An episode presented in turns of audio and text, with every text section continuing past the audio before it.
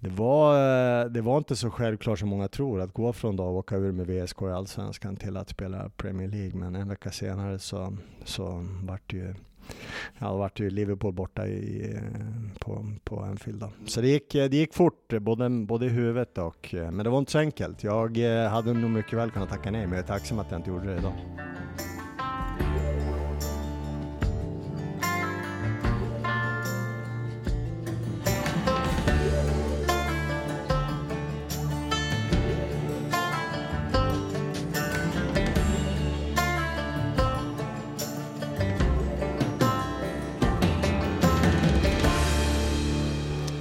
Välkomna till ännu ett avsnitt av Uppför Bågebacken! Yay!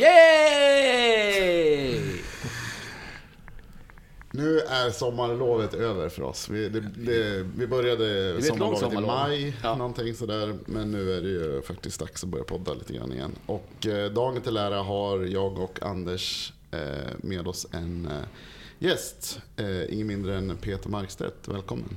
Tack, tack. Välkommen Peter. Tackar. Vi ska gå igenom hela ditt eh, liv, din eh, spelar och tränarkarriär och liksom framtiden och allting här under det här avsnittet. Men vi tänkte börja med lite skitprat. Eh, hur är läget?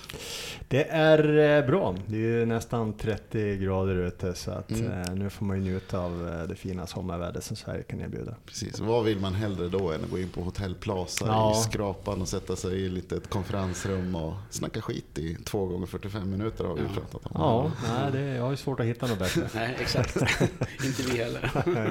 Nej, precis. Ja, jag har ju till och med tagit en fem timmars resa från Stockholm hit i, igår. Över Uppsala, fyra pendeltåg och Oj. eh, bussar och bilar och allt möjligt för att ta mig hit. Så det ser. känns riktigt bra. Frågar man inte för VSK. Så är det. Eh, Men du, några uppvärmningsfrågor i övrigt. Så här. eh, Du är ju en eh, stor eh, lokal patriot och eh, hemkär västeråsare. Och så här. Har du någon favoritplats i Västerås? Hemma skulle jag nog säga är... eh, Jag har alltid gillat att vara hemma. Jag är en hemmamänniska. Mm. Eh, Så att eh, jag skulle, nog, skulle jag få välja någonstans så är det nog hemma. Oavsett var, var du har bott eller liksom är det just där du bor nu? Som liksom, Nej, oavsett. För du har bott på många platser, Ja, jag jag. har bott en hel del olika ställen. Både här i Västerås och även i andra ställen. Men bara det är hemma liksom. Jag trivs att vara hemma. Mm. Föredrar någon viss sida av Svartån? Är det så västra, östra? Ja, jo, det har ju blivit, eh, jag vet inte vilken sida det blir då, men åt Enhagen, Barkarö hållet. Ja. Ja, men det är rätt sida. Ja, där har jag bott sedan, Ja, sedan det är- 99. Okej. Bra Peter. Ja, tack. Nu steg du min aktning. Ja, Ännu skönt. mer. Ja, skönt. nu är de viktiga frågorna igång. Eh, har du någon sån där, vi känner ju till många av dina färdigheter och kompetenser. Har du någon hemlig privat sådär liksom, eh, kanske är du väldigt bra på att dammsuga eller?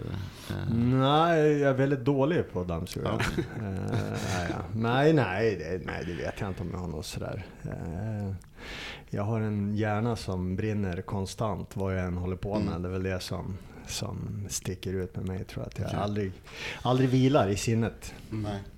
Det, jag är ju dålig på att tvätta, men det är för att jag inte vill tvätta. Så man misslyckas. Är det så du tänker? Ja, med samma med dammsugning? dammsugning Ja, lite grann. Ja. Ja, jag är fruktansvärt dålig på det. Ja, men det är smart. Ja. Men en annan, eh, jag brukar alltid inför sådana här, eh, när vi har lite besök, att man eh, hör av sig till lite spelare och mina vänner och bekanta VSK och frågar så här eh, efter, ja, har du någon självklar fråga eller kanske oväntad fråga? Då var det någon som sa, jag undrar vad han lyssnar på för musik. Och då tänkte jag, det har jag inte funderat över. Men det finns ju uppenbarligen någon som funderar på vad Ja, lyssnar jo, ja. ja. Jag är ingen sådär supermusikälskare men nu är det mycket min dotter som styr. Och nu, Ja. Jag hakar på hennes 14-åriga stil Mm. så nu är det Mares och eh, Hovet och vad Mm. det heter. Lite svensk sådär musik som passar bra till sommaren. Så att, eh, Mm, jag Jag får googla på. det efteråt. Ja, jag visste inte vad det var heller för några månader sedan men nu, nu poppas det friskt. Gör det. Du började ju spela fotboll i VSK redan som femåring. Mm. Eh, Och debuterade i A-laget eh, 11 år senare, 16, Ja, 16-17 Ja. där någonstans. Eh, Men hur såg egentligen de där 11 åren ut? Var det liksom ett medvetet eh, så här, jag ska bli fotbollsspelare? Ja, det var det nog. Jag älskade väl eh, fotboll, allt som hade med det att göra, med träningar och var ute och lirade mycket själv och sådär. Eh, på den tiden var det ju Bäckby som, som VSK huserade på. Mm. Så att, nej, men det, det var väl inte så att jag skulle bli proffs, tror jag. Inte på så sätt, utan jag bara älskade att spela fotboll. Och det är väl det som oftast gör att man, att man lyckas, att man brinner för det på annat sätt än att man ska tjäna pengar eller vad det nu må vara. Så att, det var nog det att det var förbannat roligt. Men hur såg, varför plockades du upp så tidigt då? Alltså hur, hur såg framgångarna? Det var, du var ju back på den tiden. Ja, precis. Då var jag back. Ehm, Ja, jag får väl hoppas eh, att jag var bra. Jag gick ju hela vägen från från eh, knattefotboll till pojk till junior. Eh, spelade lite B-lagsmatcher med de här vuxna eh, VSK-arna och sen in i A-laget. Dels så var jag väl talangfull då, men sen hade jag också en, en, en bra storlek när jag var 16-17. Jag Mm. var ju 1,90 där någonstans. Så. Så att, eh, sen hade jag en tränare som, som trodde på mig. Liksom, och en, eh, jag hade en bra partner på den tiden. Det var ju Peter Lundqvist som hade värvats från, från Halmstad egentligen när jag kom upp och, och sådär. Och, och jag fick en bra parhäst att växa in med. På vilket sätt, eh, när man säger talangfull kan det betyda många olika saker. Vad, vad, vad såg tränaren hos dig tror du? Alltså från början var jag ju sjukt träningsvillig. Det försvann ju lite på, äl- på äldre dagar. Eh, men eh, jag tror väl att största egenskapen har varit att jag eh, var duktig på att läsa spel, förstå spel. Jag fick mycket gratis. Eh, spelintelligent. Eh, jag har ju aldrig varit speciellt snabb, stark eller inte spänstig heller för den delen. Fast jag var bra på att nicka. Utan det var ju mer timing. Men jag kunde läsa spelet, såg liksom spelet vart det skulle ta vägen. Eh, vilket gjorde att jag kunde spela på extremt många platser. Och sen var det väl mittback som, som passade bäst då, eller lite libero som det hette på den tiden. Just Och- det, för det fanns ett sånt system. Ja, eh, också. för att vara lite sweeper och städa lite bakom. Och, Mm. och, eh, sen var, var jag, vart jag ju bra på huvudet, men det var nog mer, mer timing än att jag kunde hoppa högt. Men jag tror att det var större skillnad då på så att, säga, att vara junior och seniorspelare än vad det är i, idag. Du sa att de var vuxna eller? Var Ja, det, ja men när jag, när, jag, när jag växte upp där så visst hade jag idoler som Kevin Keegan och Ian Rush och vad de nu hette när jag, när jag växte upp. Men mina största idoler det var ju de som spelade i, i A-laget. Eh, och på den tiden tror jag var väl Norrettan, eh, eller vad det hette på den tiden. Mm. Men eh, det var ju de man såg upp till liksom, man växte upp. Det var ju Malle Widlund och det var Kankanen och allt vad de nu hette. Jag kommer inte ihåg exakt. Men det var ju mina idoler och när vi liksom träffade dem på somrarna, det var ju mycket VSK fotbollsskolor och sånt där, så var det liksom de man ville hänga med, det var de man ville spela med. Så att man ville ju liksom gå hela vägen. Så när man var junior, då började man ju närma sig, fick spela B-laget. Eh, och då spelade ju då de här stora pojkarna som inte platsade i A eller kom tillbaka någon skada. De var ju med då i B-laget. Så det var ju väldigt stort redan då att spela B-lagsfotboll. Mm. Så det var ju sjukt mäktigt. Eh, Men framförallt så var det ju det var ju där jag ville spela. Eh, Så att ta steget från då junior till, till B och A-lagsfotboll, det var ju enormt stort. Jag hade liksom inga egentliga andra mål än, än att ta mig dit. Mm. Mm. Hur påverkade det dig då? Fick du, alltså, var det, fotbollen var liksom allt då? Så att, att du, som, som det kan vara för en 16-17-åring? Eller liksom det var, Ja, 15, 16. Sen kom Mm. det väl in andra saker där vid 16, 17. Eh, Vad pratar du om? nej, det, det, det, ja, men det var det intressant med, med tjejer Ja. och sådär. Då var det inte så, så... Då var det inte lika 100 000 procent fotboll Mm. utan... Eh, men jag kommer, ihåg, jag kommer så väl ihåg att jag hade lite olika faddrar i VSK. Det vart ju liksom mina stora idoler. Jag vet inte om det finns fadder, faddrar idag men... Jo, det finns det. Eh, och det vart ju enormt stort. Det var ju liksom de man ville komma upp och hänga med, vad de man ville vara som. Och, och även fast det bara var norrättan på den tiden så var det ju jäkligt mäktigt att gå på Arosvallen och det var ganska fin inramning och, och man såg de här stora spelarna och det var ju liksom, dit ville jag. Eh, jag vill inte säga att jag var en fotbollsnörd på något sätt, inte, inte så men jag hade ändå ett mål och det, det målet var att komma till A-laget och, och få spela med, med, med de här stora pojkarna. Men när du gjorde sen det då? Du, jag har ju väldigt dålig koll på de här eh, första åren där på 90, talet. Hur, mm. hur skulle du, vad, vad minns du av den tiden? Vad, vad var det bäst, liksom, hur var det i VSK då? Nej, men alltså jag, minns, jag minns att det var stort att få mm. sätta sig i Parosvallen med de här eh, vuxna männen som, som, det, som man såg då. De, de var ju stora och, och de var ju vuxna. Det var ju inte 100 år utan de var kanske 25-30. Mm. Men det var ju stort för en annan som var 16-17. Mm. Eh, och jag minns bara att, att eh, som jag sa, jag hade, jag hade ju mål att bli proffs och sådär. var inte så va? Men, men mitt mål var ju först och främst att ta sig in där och få spela mm. med de här. Och jag hade, såna jäv, jag hade sån jäkla respekt för, för de här snubbarna när jag växte upp. Och det tycker jag är lite synd idag. Eh, jag kan inte säga att det inte är så idag, men det känns som att det är snarare att man tittar liksom på Beckham, man gjorde man då när man växte upp, men Ronaldo och det är Messi och det, det är ju inget fel med det. Men det är alldeles för, för lite liksom lokala profiler. Så man önskar ju att spelarna som var 5, 14, 15 idag mm. drömde om att vara en ny Karvan eller Troné mm. eller Hellgren eller vem som helst. Liksom, men det gör de inte? Nej, men jag tror att man Idag så tänker man nog snarare att jag ska till Liverpool, jag ska till mm. United. Man skippar liksom VSK. Det är inte lika, lika, lika viktigt eh, som det var då. Mm. Då var det ju liksom the shit. Mm. Eh, och det här måste ju på något sätt komma tillbaka, att det kommer in i, liksom, i väggarna igen. Att, att ungdomarna liksom strävar efter att bli de här nya VSK-stjärnorna mm. eh, till att börja med. Då. Men var det därför du blev kvar så pass länge där då ändå? Det kändes... Eh... Ja, jag varit, jag varit kvar väldigt, mm. eh, väldigt länge och jag hade extremt många möjligheter att lämna eh, mm. tidigare. Mm. och jag spelade ju där från jag var ja, fem till jag var 27, 26, 27 någonstans. Mm. Eh, och hade jag vet inte, ett otaligt antal erbjudanden att lämna. Men på något sätt så, så, så är jag en sån människa som som precis som många andra blir bättre av att känna mig trygg, känna mig behövd, känna mig duktig. Mm. Eh, och det kände jag i VSK. Jag kände liksom att jag var en viktig del i, i föreningen och laget, vilket gjorde att jag kunde prestera på, på plan. Så att jag hade liksom inga, de här drömmarna om att flytta utomlands eller en större liga eller större lag i Sverige, det fanns liksom inte. Utan mitt mål var väl egentligen hur Ja, vart kan vi spela med VSK nästa år? Liksom? Hur högt kan vi ta grönvitt? Det var väl mm. det som jag tänkte på. Um, men sen Eh, då 97, då kunde du liksom inte säga nej? Eller vad var det jo, det, det kunde jag. jo, det gjorde jag också. Um, jag, fick, uh, jag fick förfrågan från flera olika klubbar. Till slut så dök ju då Barnsley upp, uh, mm. som, som de hette. Och spelade då i Premier League. Uh, och erbjöd mig att komma dit på provspel och först tackade jag nej för att jag kände liksom inte att det, det är sjukt när man, när man mm. pratar om det. Men det var inte så att du var jag, 25 då? Eller ja, 26 kanske. Ja. Jag kommer inte ihåg exakt. Men, Ja, jag, jag, kände i alla fall inte så att bara, fy fan vad häftigt och roligt och coolt. Utan det var snarare, nej men vad, vad ska hända här och vad, vad, vad blir det då? Men så ringde eh, Christer Nordin som, som spelade i AIK på, på den tiden och sa, fan hon bjuder dit mig på provspel, kan inte vi åka dit tillsammans? Eh, och då var det lite lättare sådär mm, att mm. åka dit en, en vecka som det rörde sig om initialt då.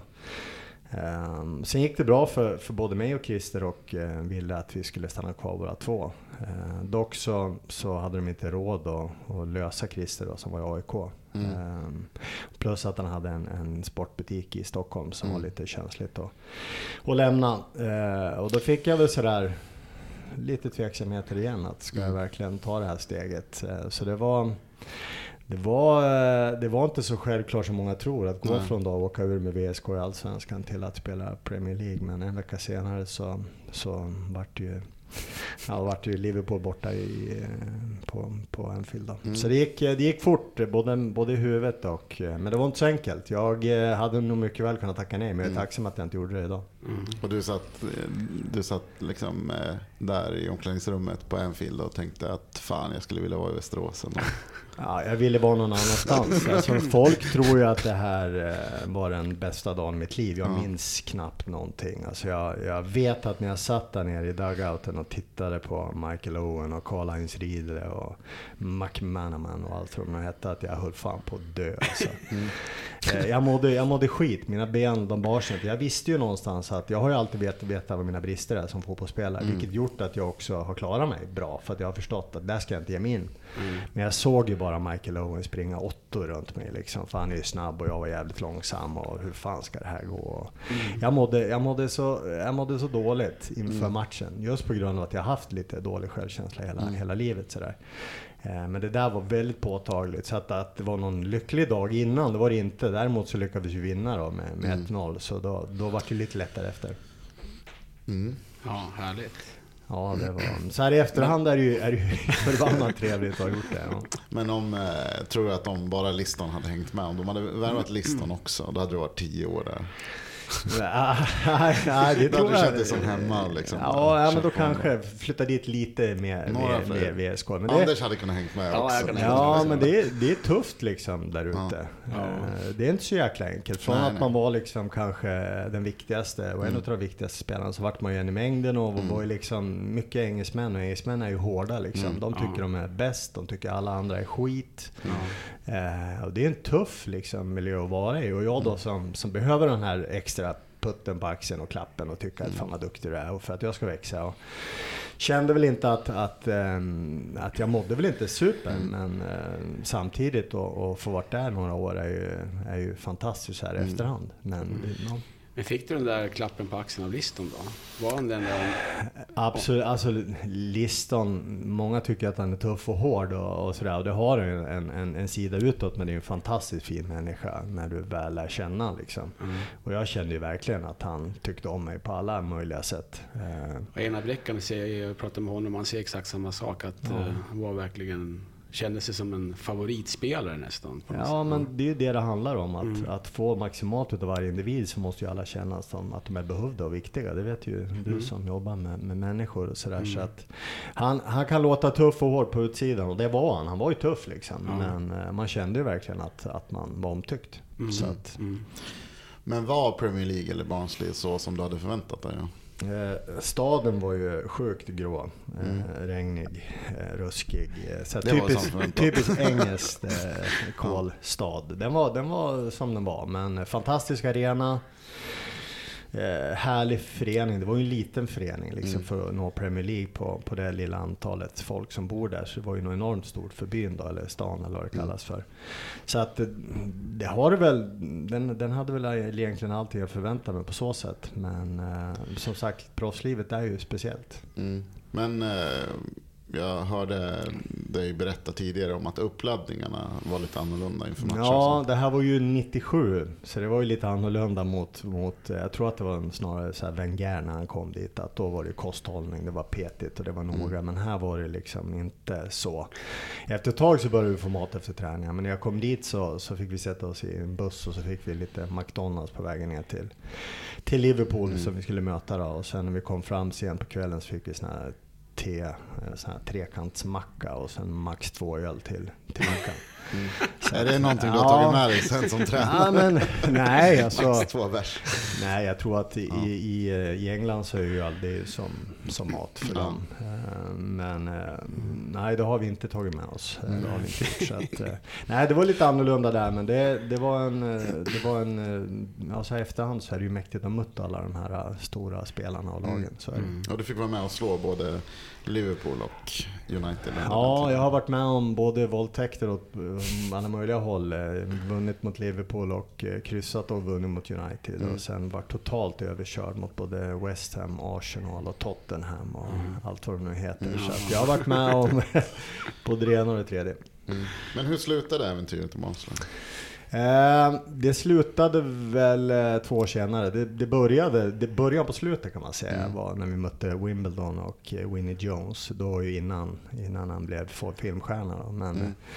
Eh, så klättrade jag lite på en, en av deras forwards, Jason Jewel tror han hette, och landade lite illa på nacken. Så jag knäckte en kota i, eh, i nacken. Så att eh, då var det väl riktigt illa och det såg inte så bra ut. Eh, men jag fick vila i ja, vet, totalt sett nästan 7, 8, 9, 10 månader någonstans eh, på grund av det där. Och så trodde man väl att det var över, men sen eh, kom jag tillbaka i alla fall efter ett år ungefär och Eh, då hade vi åkt ur Premier League.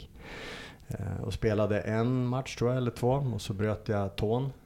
Eh, och började känna liksom, när man inte har världens bästa så här, självförtroende, känna att man är Zlatan när man, när man är på idrottsanläggningen. Så, här, så blir man ju lite så här, man börjar längta hem och det börjar bli ja, mm. lite så här vemodigt. Så att jag började ju söka mig efter, efter nytt och då mötte vi Coventry i division 1 på den tiden och då var Rolly Nilsson där.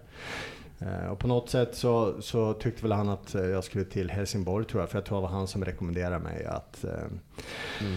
att flytta dit då. För att Andreas Jakobsson som var i Helsingborg skulle flytta till Ipswich och de behövde en ny mittback.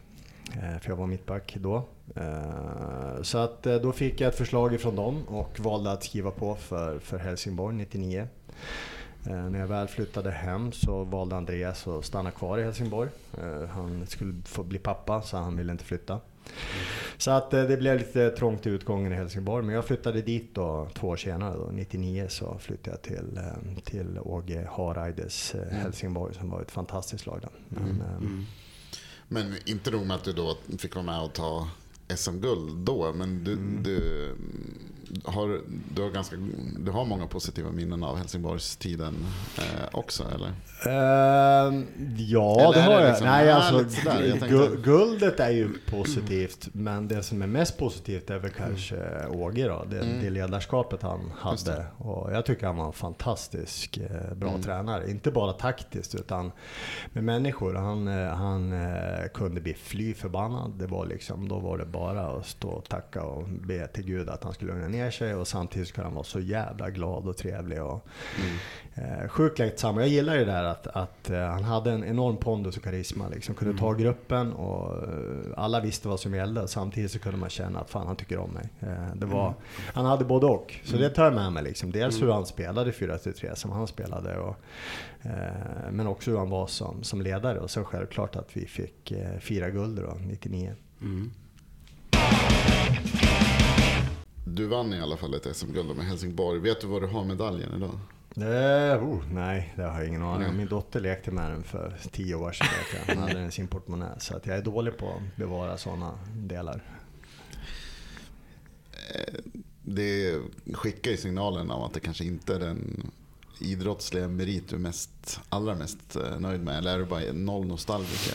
Nå, dels är jag ju dålig på att bevara. Jag har ju mm. inga matchtröjor kvar, jag har ingenting. Jag hade ju matchtröjor från Premier League-tiden men de vet jag inte var de är idag. Så jag är inte så att jag bryr mig om sådana saker. Men eh, sen var jag inte eh, superdelaktig Nej. 99. Jag spelade precis 13 matcher, vilket gjorde att jag fick medaljen. Men mm. jag kände inte att jag var superdelaktig, mm. vilket gör att det inte blir lika stort. Så Mm.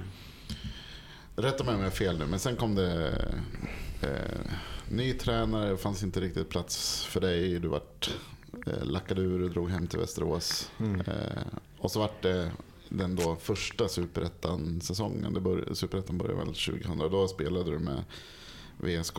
Och sen eh, efter den säsongen så blev det Hammarby. Ja. Där i övergången VSK till Hammarby så var, du, du har själv beskrivit att det var liksom folk som var besvikna eller sura. Liksom på, ja. hur, hur, tog du det där då? Liksom? För att jag menar, klubben hade ju betytt jättemycket för VSK. Alltså, var ju, är och har väl varit liksom en stor del för dig hela tiden. När folk Liksom, Tänkte folk du på yttrade att... liksom att de var besvikna på att du lämnade VSK? Alltså, jag vet inte, det var inte min uppfattning. Det har ju kommit turbulentare tider än så. Mm. Eh, det var när jag lämnade nästa gång, men ja. vi kommer väl till det. Men eh, eh, jag vet inte om det var så hårda ord här. Jag spelade ju då 2000 i, i VSK och fick prova på att spela forward för, mm. för första gången någonsin, höll jag på Jag hoppade in lite som forward i Helsingborg och sådär, men tyckte att det här var ju förbannat mm. roligt.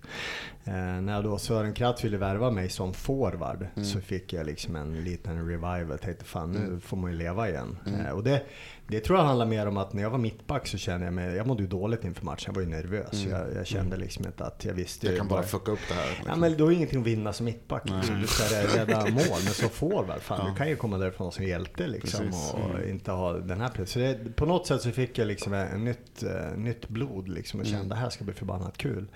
Sen uh, ägdes ju jag fortfarande av Helsingborg. Mm. Eh, och när då Hammarby la ett, eh, ett bud på mig så, så, så fanns ju liksom inget. Jag, visst, självklart, jag ville ju gå Jag ville ju spela allsvenskt. Jag ville ju mm. spela i, som forward. Mm. Eh, så att eh, jag tror inte, jag uppfattade nog inte så jättemycket hårda ord på den tiden från, från, från VSK. Men däremot så var det lite turbulent från, från Hammarbys håll när man då går och värvar en gammal mittback mm. som, som forward. Mm. Eh, dels var man konkursmässig, man hade inga pengar. Eh, och så ska man betala 700 000 för en gammal avdankad snubbe. Eh, det, det kände de lite Gjorde det att det kändes ännu bättre? Nej, det, det, jag fick inte veta det just då, Nej. men jag fick veta det lite senare. Det kändes ju inte jättebra att känna Nej. att man inte var välkommen. Mm. Eh, för så var det ju lite bland supportrar och, eh, Kände och medlemmar. du i truppen uppe? Nej, inte i truppen. Utan mm. det, det, var nog snarare att de inte hade några pengar och ändå går man och lägger ut mm. så mycket pengar på, på en sån som mig då. Nu vill ju Sören ha mig och han fick med sig ordförande Paulsson som mer eller mindre lånade ut pengar eller man gjorde för att lösa det hela. Mm. Så det var väl ingen jättebra start och vi var ju sjukt nederlagstippade det året, 2001. Så att, eh, mm. Nej men eh, att lämna från VSK tror jag inte var jätteturbulent utan jag kom ju hem ändå från, från ett kontrakt i Helsingborg som var lukrativt eh, för att spela då i, mm. Superettan med VSK. Så jag hoppas inte det var några hårda ord då. Men... Det var inte tanken att komma som någon anklagelse? Det är bara nej, intressant att höra. Nej, men jag, det jag uppfattar det inte så. Jag uppfattar det mesta annars. Är det någon som tycker att jag gör något fel så kan jag må dåligt över det. Och det mm. tror jag inte att jag gjorde när jag lämnade där. Mm. Men sen fick du, du hade ju redan ett SM-guld, men du fick hjälpa Bayern att ta sitt uh, första. Enda. Ja. Första. Enda. Sista kanske. Ja.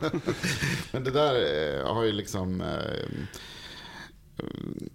det måste ju vara en av de största liksom, händelserna för dig i din karriär. Och det har ju liksom varit jättestort för dem. Och det har väl liksom satt bilden av dig lite grann på det stor, liksom, i mm. fotbollssverige som en så här Hammarby-profil också. Eh, ja, det har ju blivit. Jag har ju varit där i fyra år, eller var ju där i fyra mm. år. Eh, vilket jag förknippas ju mycket mer med Hammarby än kanske VSK mm. ut i det stora. Eh, och där är jag ju, är jag ju sjukt uppskattad. Mm. I Västerås är det kanske blandade uppfattningar eh, om, om den delen. Men där känner man ju liksom, går jag i Stockholm idag så, så är det ju extremt många som kommer fram och ska mm. prata. Är det kul eller jobbigt? Nej men det är ju roligt. Nu har det ju gått fan 20 år snart. Eh, men de blir ju... äldre och äldre de som hejar. Ja, men så är det och det Men det är ju sjukt roligt att känna sig mm. uppskattad. Det tycker mm. ju alla människor. Mm. mm. Och det året är ju oförglömligt från att, från att eh, vara på väg att åka ur till att vi mirakulöst lyckas, mm. lyckas vinna. Liksom. Det, ja, det, det, den finns ju inte på kartan. Så det här med att bli igenkänd så har jag ju en fin anekdot eh, själv här. Vi vill ju mest höra dina anekdoter men det här innefattar ju dig. När 2008 när Anders Karlsson eh, var ordförande så var du, nej jag tror att det var några av oss från styrelsen med Anders och Thomas Andersson och så som sprang på. Vi skulle möta upp dig på Blue Moon Bar och några andra. Och det fina hände då att det kommer två eh, tjejer som är liksom eh, ganska rejält mycket yngre än oss alla mm. och, och liksom går fram till Thomas och frågar om det är inte du han den här fotbollsspelaren? Och det, han säger ju ja. Mm. och det här blir det, det är liksom ändå tio år efter han, eh, ja, han spelar VSK. Och, eh, då säger de, aha, Johan Mjällby. och det där, alltså, i, eh, vi, några av oss skrattade men ingen var så nöjd som Peter Wikström. med det här.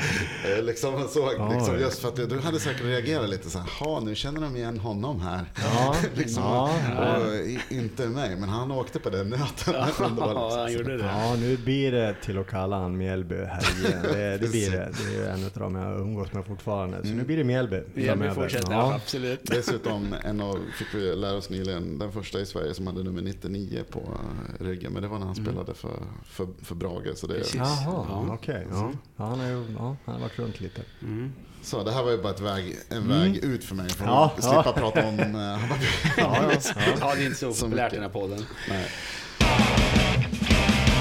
Ja, sen blev det, vi, vi, måste röra oss mot det här med eh, senare med tränarkarriären och eh, annat också. Men efter åren eh, i, i Hammarby så blev det Norge ett år. Ett år, ja. Tror jag. Ja, det vart, Mm. jag hade längre, men Mm. det vart ett år. Ja, Sen var det hemlängtan igen. Och, ja vi, vi, vi fick barn, Mm. kände att vi ville flytta hem. Eh, Och eh, flytta hem till, till VSK. Nu började ju eh, problemen redan året innan med att jag hade mycket skador, problem med ryggen och var ganska sliten och sådär. Så att det var väl en blandning av att jag kände att eh, jag inte kunde ge hundra. Mm. eh, Som att jag längtade hem som vanligt då. Sen 2005 blev liksom ditt sista år som både ditt sista år som spelare i VSK. Ja. Och första där du ingick i ledartrion. Ja, jag hade väl en... en, en Nej, det var inte då. Förlåt, det var 2011 det var trio. 2005 var du med, var du tränare. Ja, men var det inte... Nu jag kommer inte exakt Du var den tredje heller, tränaren. Det var väl Gidlund och... Och sen var det eh, Kjell Friman i sex omgångar. Och sen var det det året? Ja, sen var det. Ja, ja, okej. Jag tror att jag var lite sportligt ansvarig samtidigt. Ja, just det. Ja. Ja, jag, jag har haft så många roller i, i VSK, men det, det var nog början på um, kliva in där. Ja, det stämmer Mm, att, mm. att försöka lotsa laget kvar. Och det gick ju tyvärr sådär. Nej, det gick åt pipan. Men du var ju sen. Eh, du hade ju liksom... Du var ju tredje tränaren den eh, säsongen 2005. Ja. T- 2011 var ju ytterligare en... Alltså 2005 då så åkte vi ur Superettan. 2011 det- så eh, fick Kalle Granat kicken och sen var det ju... Eh, Erika Karl fick väl huvudansvaret och sen var det du och Stefan Berlin som var med Ja, ja, stämmer. också. Och så åkte vi ur Oj! Var vi hör var vi vill komma Ja, ja, ja, ja. ja, jag hör vad ni vill komma. Ja, men det stämmer. Vi Ja, tog men- över där på, på sommaren och det gick eh, tyvärr också sådär. Men det som jag eh, funderar på. Nu, yes, nu drar de äntligen igång med renoveringen av skrapan. Det borde de ha gjort för många år sedan. Men det är bra att det kommer Vi äntligen. får se hur, hur kul det här ljudet blir. Men från och med nu Ja. kommer ni höra någon som borrar i bakgrunden. I alla fall, det, det var 2005 och 2011. Två, liksom, du fick vara med två tråkiga säsonger sådär. Ja, Sen så var det ju 2015. Eh, Ja. Som var, eh, och då kan man ju tänka så här.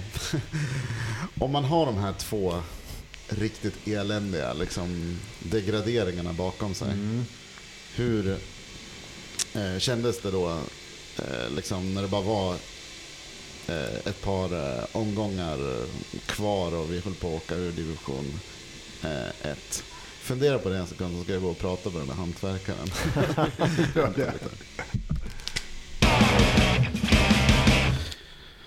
Nu har jag varit och bråkat med någon hantverkare här i trappen i skrapan. Han skulle vara tyst en liten stund i utbyte mot att Anders skulle hjälpa honom med en grej sen. Ja, exakt. Jag står där hela dagen och drar spik. Vi får se.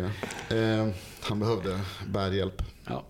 Nej, men nu har jag helt glömt bort eh, hur eh, min eh, avancerade fråga Dramaturgin, var. jag ska påminna dig, jag som inte behövde springa iväg efter hantverkarna. Jo, det var så att vi skulle komma fram till hur det kändes för Peter att efter debaclet då 2005 och 2011 då ändå ta över ett lag i kris. För 2014 hade det ju inte gått så bra för laget. Vi var ju precis på väg att åka ur. Med Guds förtjänst vilja så räddade Huddinge oss kvar sista matchen. Och sen då inför 2015 såg det inte så himla mycket bättre ut. Inga pengar, kris, allt det där. Hur tänkte du? Ja, nej, det var ju ganska tydligt att eh, det inte fanns några pengar och, och om det skulle bli degradering så, så vart det så mer eller mindre. Så att det var väl ett litet eh, hopplöst fall. Men sen tror man ju på sig själv eh, sjukt mycket att man, att man eh, kan bidra. Eh, sen hade det ju gått ungefär fem år mellan varje, varje nederlag så har man hämtat lite, lite kraft. Eh, samtidigt så kände jag nog att jag ville vara med från start. Eh, Det Mm. var ju inte tidigare. För första gången så var jag i och för sig spelare och var med på så sätt då, till viss del. Eh, andra gången så kom jag in mitt i och fick springa lite hantlangare. Ungefär som Johan ska göra nu då, eh, Mm. bära grejer. Eh, och eh, den här gången ville man ju vara med och påverka och jag tror ändå på att jag har ett sånt eh, ledarskap. Det har man ju sett via företagande och så vidare. Att, att jag kan påverka och få ut max av en grupp och det trodde jag. Eh, Därav så kände jag det som en, en förbannat stor utmaning. Och sen, sen är det ju VSK liksom. Man Ja. studsar tillbaka hit varje gång. Så att så är det. Ja.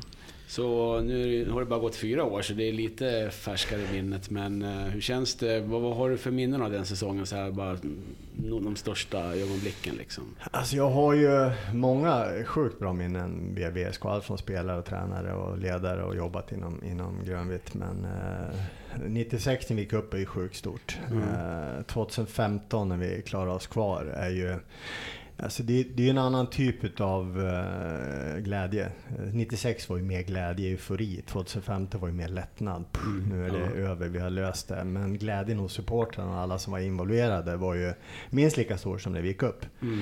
Uh, och det tror jag också var, det var ju sjukt viktigt inför för, för var vi är någonstans idag. Mm. Det tror jag var mycket mer viktigt än man tror. Mm. Uh, så att så här i efterhand så, det tog det tog, tog enormt mycket energi, gjorde det. Eh, jag klev ju på VSK för att jag skulle ge energi. Jag kände att jag behövde ett break från jobbet ibland och lufta sig och inte tänka på arbete. Och känna att det här ska ge mig någonting. Och så gick det som det gick. Det gick dåligt, det gick sämre och det gick sämre. Och sen gjorde vi lite nyförvärv till sommaren och så vände det tillbaka. Och, och då började det ge lite energi. Men det var ett tufft år. Men ett av de absolut bästa så här i efterhand.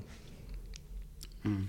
Det är lustigt när man ser tillbaka på 2015 tycker jag. att Trots att det liksom var ett skit, en skitsäsong. Så känner, det man minns är ju på något sätt drömhösten och att vi klarade mm. kontraktet. För att man hade ju eh, det var någon som tyckte, jag fick här eh, tips på en fråga. Så fråga hur du tror att eh, hur man kan tro att det hade gått om, eh, om vi hade förlorat och, och åkt ur.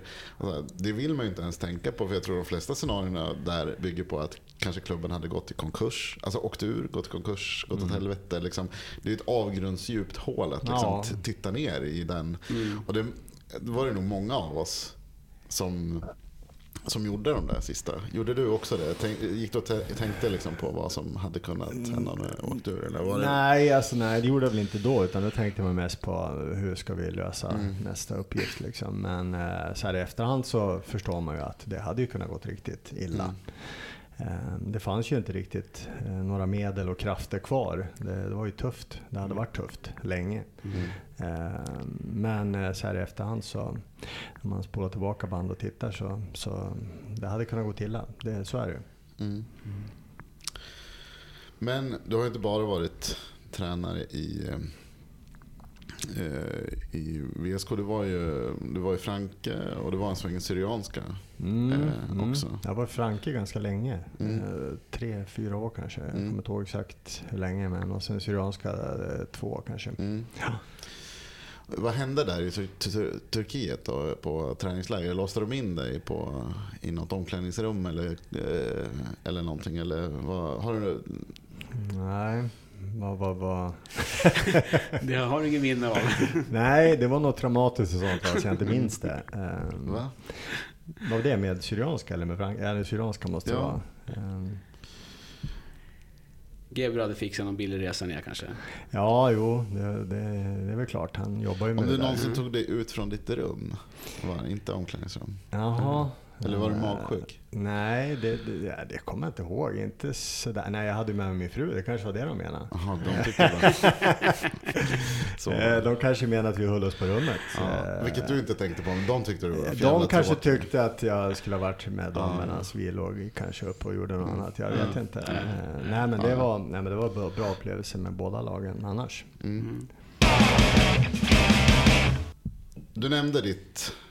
Du nämnde liksom, företaget eh, som du var med och, och, eller som du startade och sådär och att du hämtade energi från eh, fotbollen och så här. Men jag lyssnade på någon intervju från 2015 då du sa att du skulle eh, om fem år ska jag ha sålt företaget för en jävla massa pengar och sen ska jag satsa på fotbollen igen. Ja, det är ju nu det, 2020. Ja, så nästa år. Du ser, jag var sierska ja. på den, ja, den tiden. Du vet precis vad du håller på med i alla fall. Ja, exakt. Det. Ja, nej, ja, jag sålde ju mitt, eh, min del av företaget då, 2019. Så att, eh, mm. där är vi ju nu då. Mm. Så det är väl bara eh, ett tag sedan. Mm. Just det. Och vad...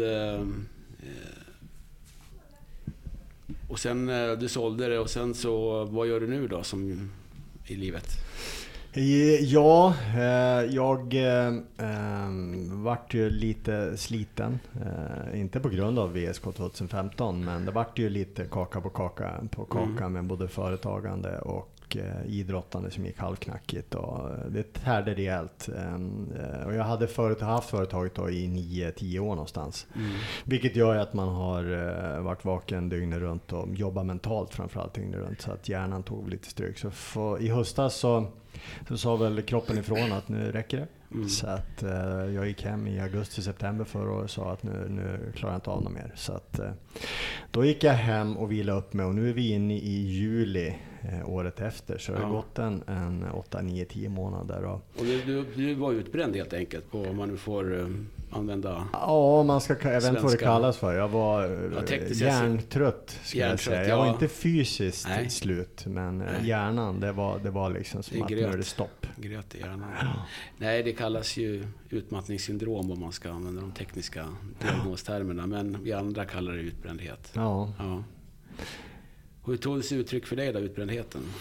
Alltså det, det började väl långt innan. Eh, framförallt i och med att jag är en sån människa som jag är, att jag aldrig kan släppa saker och ting och, och så vidare, så jobbade jag mer eller mindre jämt. Eh, jag var alltid uppkopplad, vilket är väldigt lätt i dagens samhälle. Så att det var det första jag gjorde och det sista jag gjorde på kvällen, det var att kolla siffror och, och statistik och, och så vidare. Och gör man det liksom i 9-10 år på, på raken så blir det slitet. Eh, och det började väl egentligen för nu är det tre år sedan kanske, att jag trodde jag fick en hjärtinfarkt. Eh, jag fick så förbannat ont i bröstet och, jag kunde inte andas. Så det var bara upp till eh, akuten. Och, Panikångestupplevelse med andra ord. Eh, och det fortsatte ju då att pumpa på då x antal gånger under, under året.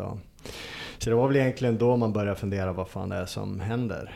Eh, sen blev jag mer och mer trött. Eh, så fort jag blev stressad så tar luften slut, jag orkar inte prata. Jag, jag blir irriterad. Eh, du kan fråga alla ungar när vi var på semester förra sommaren. Det var ingen mm. vacker upplevelse mot, mot grannar. Framförallt ungarna klarade sig. Men jag var kort stubin, eh, sliten. Otroligt många. Sen mynnade det ut i att jag fick, jag fick ont i kroppen. Jag fick ont i bröst, i axlar, jag kunde inte lyfta, kunde inte göra en armhävning, kunde inte göra någonting. Och jag är fortfarande inte bra från, från de här symptomen. Så att, det var extremt många saker som man inte fattar att, att hur det är möjligt. Eh, vad är det som händer liksom? Och jag känner än idag, blir jag stressad så blir jag ju helt, jag blir ju trasig, jag blir slut. Det tar lång tid att återhämta sig. Ja, nu har det gått som sagt 8, 9, 10 månader och jag är, jag är inte hundra. Det, Absolut så är det. Nej, jag brukar säga det till de patienter jag pratar med i de här frågorna. Som att lika lång tid det tar att, åt, eller att hamna där man mm. hamnar, vilket kan ta år. Ja. Så lika lång tid tar det att återhämta sig. Ja. Det är en kurva som det går ner i botten, så för att komma upp igen så tar det lika lång tid. Det går liksom inte att snabba på det. Nej, och det, det, det som är jobbigt är ju att ingen ser det. Nej. Man vill att någon fan ska se hur dåligt man har mått eller mår. Men mm. det gör man ju inte. Utan man glider omkring där med höglugg och brun panna och tycker att folk tycker att man ser pigg och fräsch ut. Men man är, det, det sliter på. Det är väldigt jobbigt. Och eh, det tar lång tid att komma tillbaka som sagt var. Så att, eh, uppför Vågebackepodden uppmanar härmed Peter att ta det lugnt och eh, ta hand om sig själv nu i framtiden. Dock ska du jobba livet ur det för VSK såklart, men det är en annan fråga. Ja, ja. precis. Nej, men, eh, det är kul att höra att du kommer tillbaka i alla fall och eh, kämpa på och ta det lugnt med så att det inte händer igen. För det är ju lätt hänt att det ja, det... går in i det igen. Har man varit där en gång så även om man vet symptomen så är det lätt hänt att det tar över snurren liksom och bara rullar på igen. Ja, och man är ju sån som, som människa. Jag har alltid varit sån att jag kan inte ligga på rygg och titta i taket utan det måste hända saker. Och jag har ju haft säkert en 10-15 företag parallellt under, under årens lopp. Och så att jag, jag har alltid varit en driftig människa. Så här. Jag gillar liksom kickarna. Eh, det du får i, från idrotten av att vinna och förlora, det får du i arbetslivet om det går bra eller dåligt också. Så jag har alltid brunnit för att skapa någonting, entreprenörskap och så vidare. Så att, så att lite parallellt med att jag vilar nu så, så kommer jag även att starta då eh, Västerås största paddelarena. Det får man inte glömma. Vad, kan du berätta, säga något mer om den då? Vad ligger, vad, eh, ja, den ligger ute på Hacksta, Örjans. Eh, kommer vara sex dubbelvanor, två singel, lite golf, lite gym, eh, jobba med medlemskap och lite annat, eh, lite andra grejer. Men eh, vi är eh, just nu inne i, i att bygga banorna. Så inom sju veckor är vår förhoppning att eh, vi ska kunna ha premiär då för, för arenan, att vi ska kunna öppna upp då för, för allmänheten. Så att det börjar närma sig. Vi har hållit på i i x antal månader med det här. Så att det, det har varit en balansgång där att hitta mm. liksom, nivån att man klarar av att inte stressa upp om det, går, om det händer något. Eller, mm. eh, men jag har känt då när det väl har hänt något eller att man har blivit stressad så har det ju inte varit riktigt läge. Jag känner att oj, jag skulle nog vänta lite till. Men eh, det gäller att parera det. Nu är vi ju några stycken som äger det tillsammans så nu kan man lämna över lite ansvar till andra också. Mm. Hur tänker du när det gäller fotboll och framtiden? Eh, jag tänker att jag eh, älskar fotboll. Eh, jag följer ju VSK på daglig nivå. Liksom. Mm. Läser tidningarna, går in på hemsidan och läser eran eh, Anno och allt det här. Så att jag följer ju VSK och brinner för VSK precis som extremt många andra eh, gamla VSK gör. Och mitt mål och min förhoppning är ju att kunna komma tillbaka inom, inom fotbollen. Det behöver inte vara tränare. Det, det handlar nog mer om att jag vill vara delaktig i någonting. Paddelhallen kommer jag känna delaktighet i, men jag tror också att inom idrotten, att få uppleva den här glädjen och sorgen och vara delaktig i framgångar och motgångar. Det är ju det, är det som, är, som är underbart, att du känner att du lever. Börjar livet gå som en flat linje, då vill man ju mm. bara lägga sig och dö. Så att, fotbollen ger extremt mycket, eh, men jag vet också att den tar mycket om det går dåligt. Så det gäller att det är rätt läge, så är det. Mm. Men som sagt var, det blir nästa år då, för det var enligt planen. Ja, då är det fem år. Ja. så får vi se då. De ringer väl i höst och enrollerar det på något sätt. Här. Ja, ja, jag har mycket kontakt med, med ledningen idag. Jag förstår det. Så att, eh, det ja. kommer jag nog alltid ha på så sätt. Mm, mm. Du, eh, den här paddelhallen då, finns det något jobb till VSK där då? Nej, däremot i, i paddelhallen kommer vara helt automatiserad. Ja. Eh, däremot så ligger ju då Kids Brandstorm, mitt andra gamla företag, ja. ligger ju vägg i vägg nu för tiden. Så vi sitter ihop med paddelhallen ja. och där jobbar ju då extremt många VSK och har gjort genom åren. Mm. Uh, och idag så jag vet inte hur många de är idag om du tittar på bandyn och fotbollen. Och, men genom åren så har det nog varit en 20-30 VSK som har, som har jobbat där. Ja, så att, eh, det är ju en, en stor del som jag och Micke då, som startar bolaget ville. Att vi istället för att hela automatisera ett lager eller flytta ut det någon annanstans och köra 3PL eller någonting mm. annat så, så ville vi ge tillbaka till, till staden. Och i och med att vi båda älskar VSK så var det fullt naturligt att försöka slussa in så mycket idrottare som möjligt där. Mm. Mm. Och det kommer de ju fortsätta med den mån det går. Ja. Det låter bra. Tack så jättemycket Peter för den här första eh, halvleken får vi väl säga. Nu mm. måste vi tyvärr eh, byta lokal här eftersom... Ja. Eh, ja, you know. Så eh, tack så mycket och ja. eh, vi ses i nästa avsnitt. Ja, tack. tack. tack.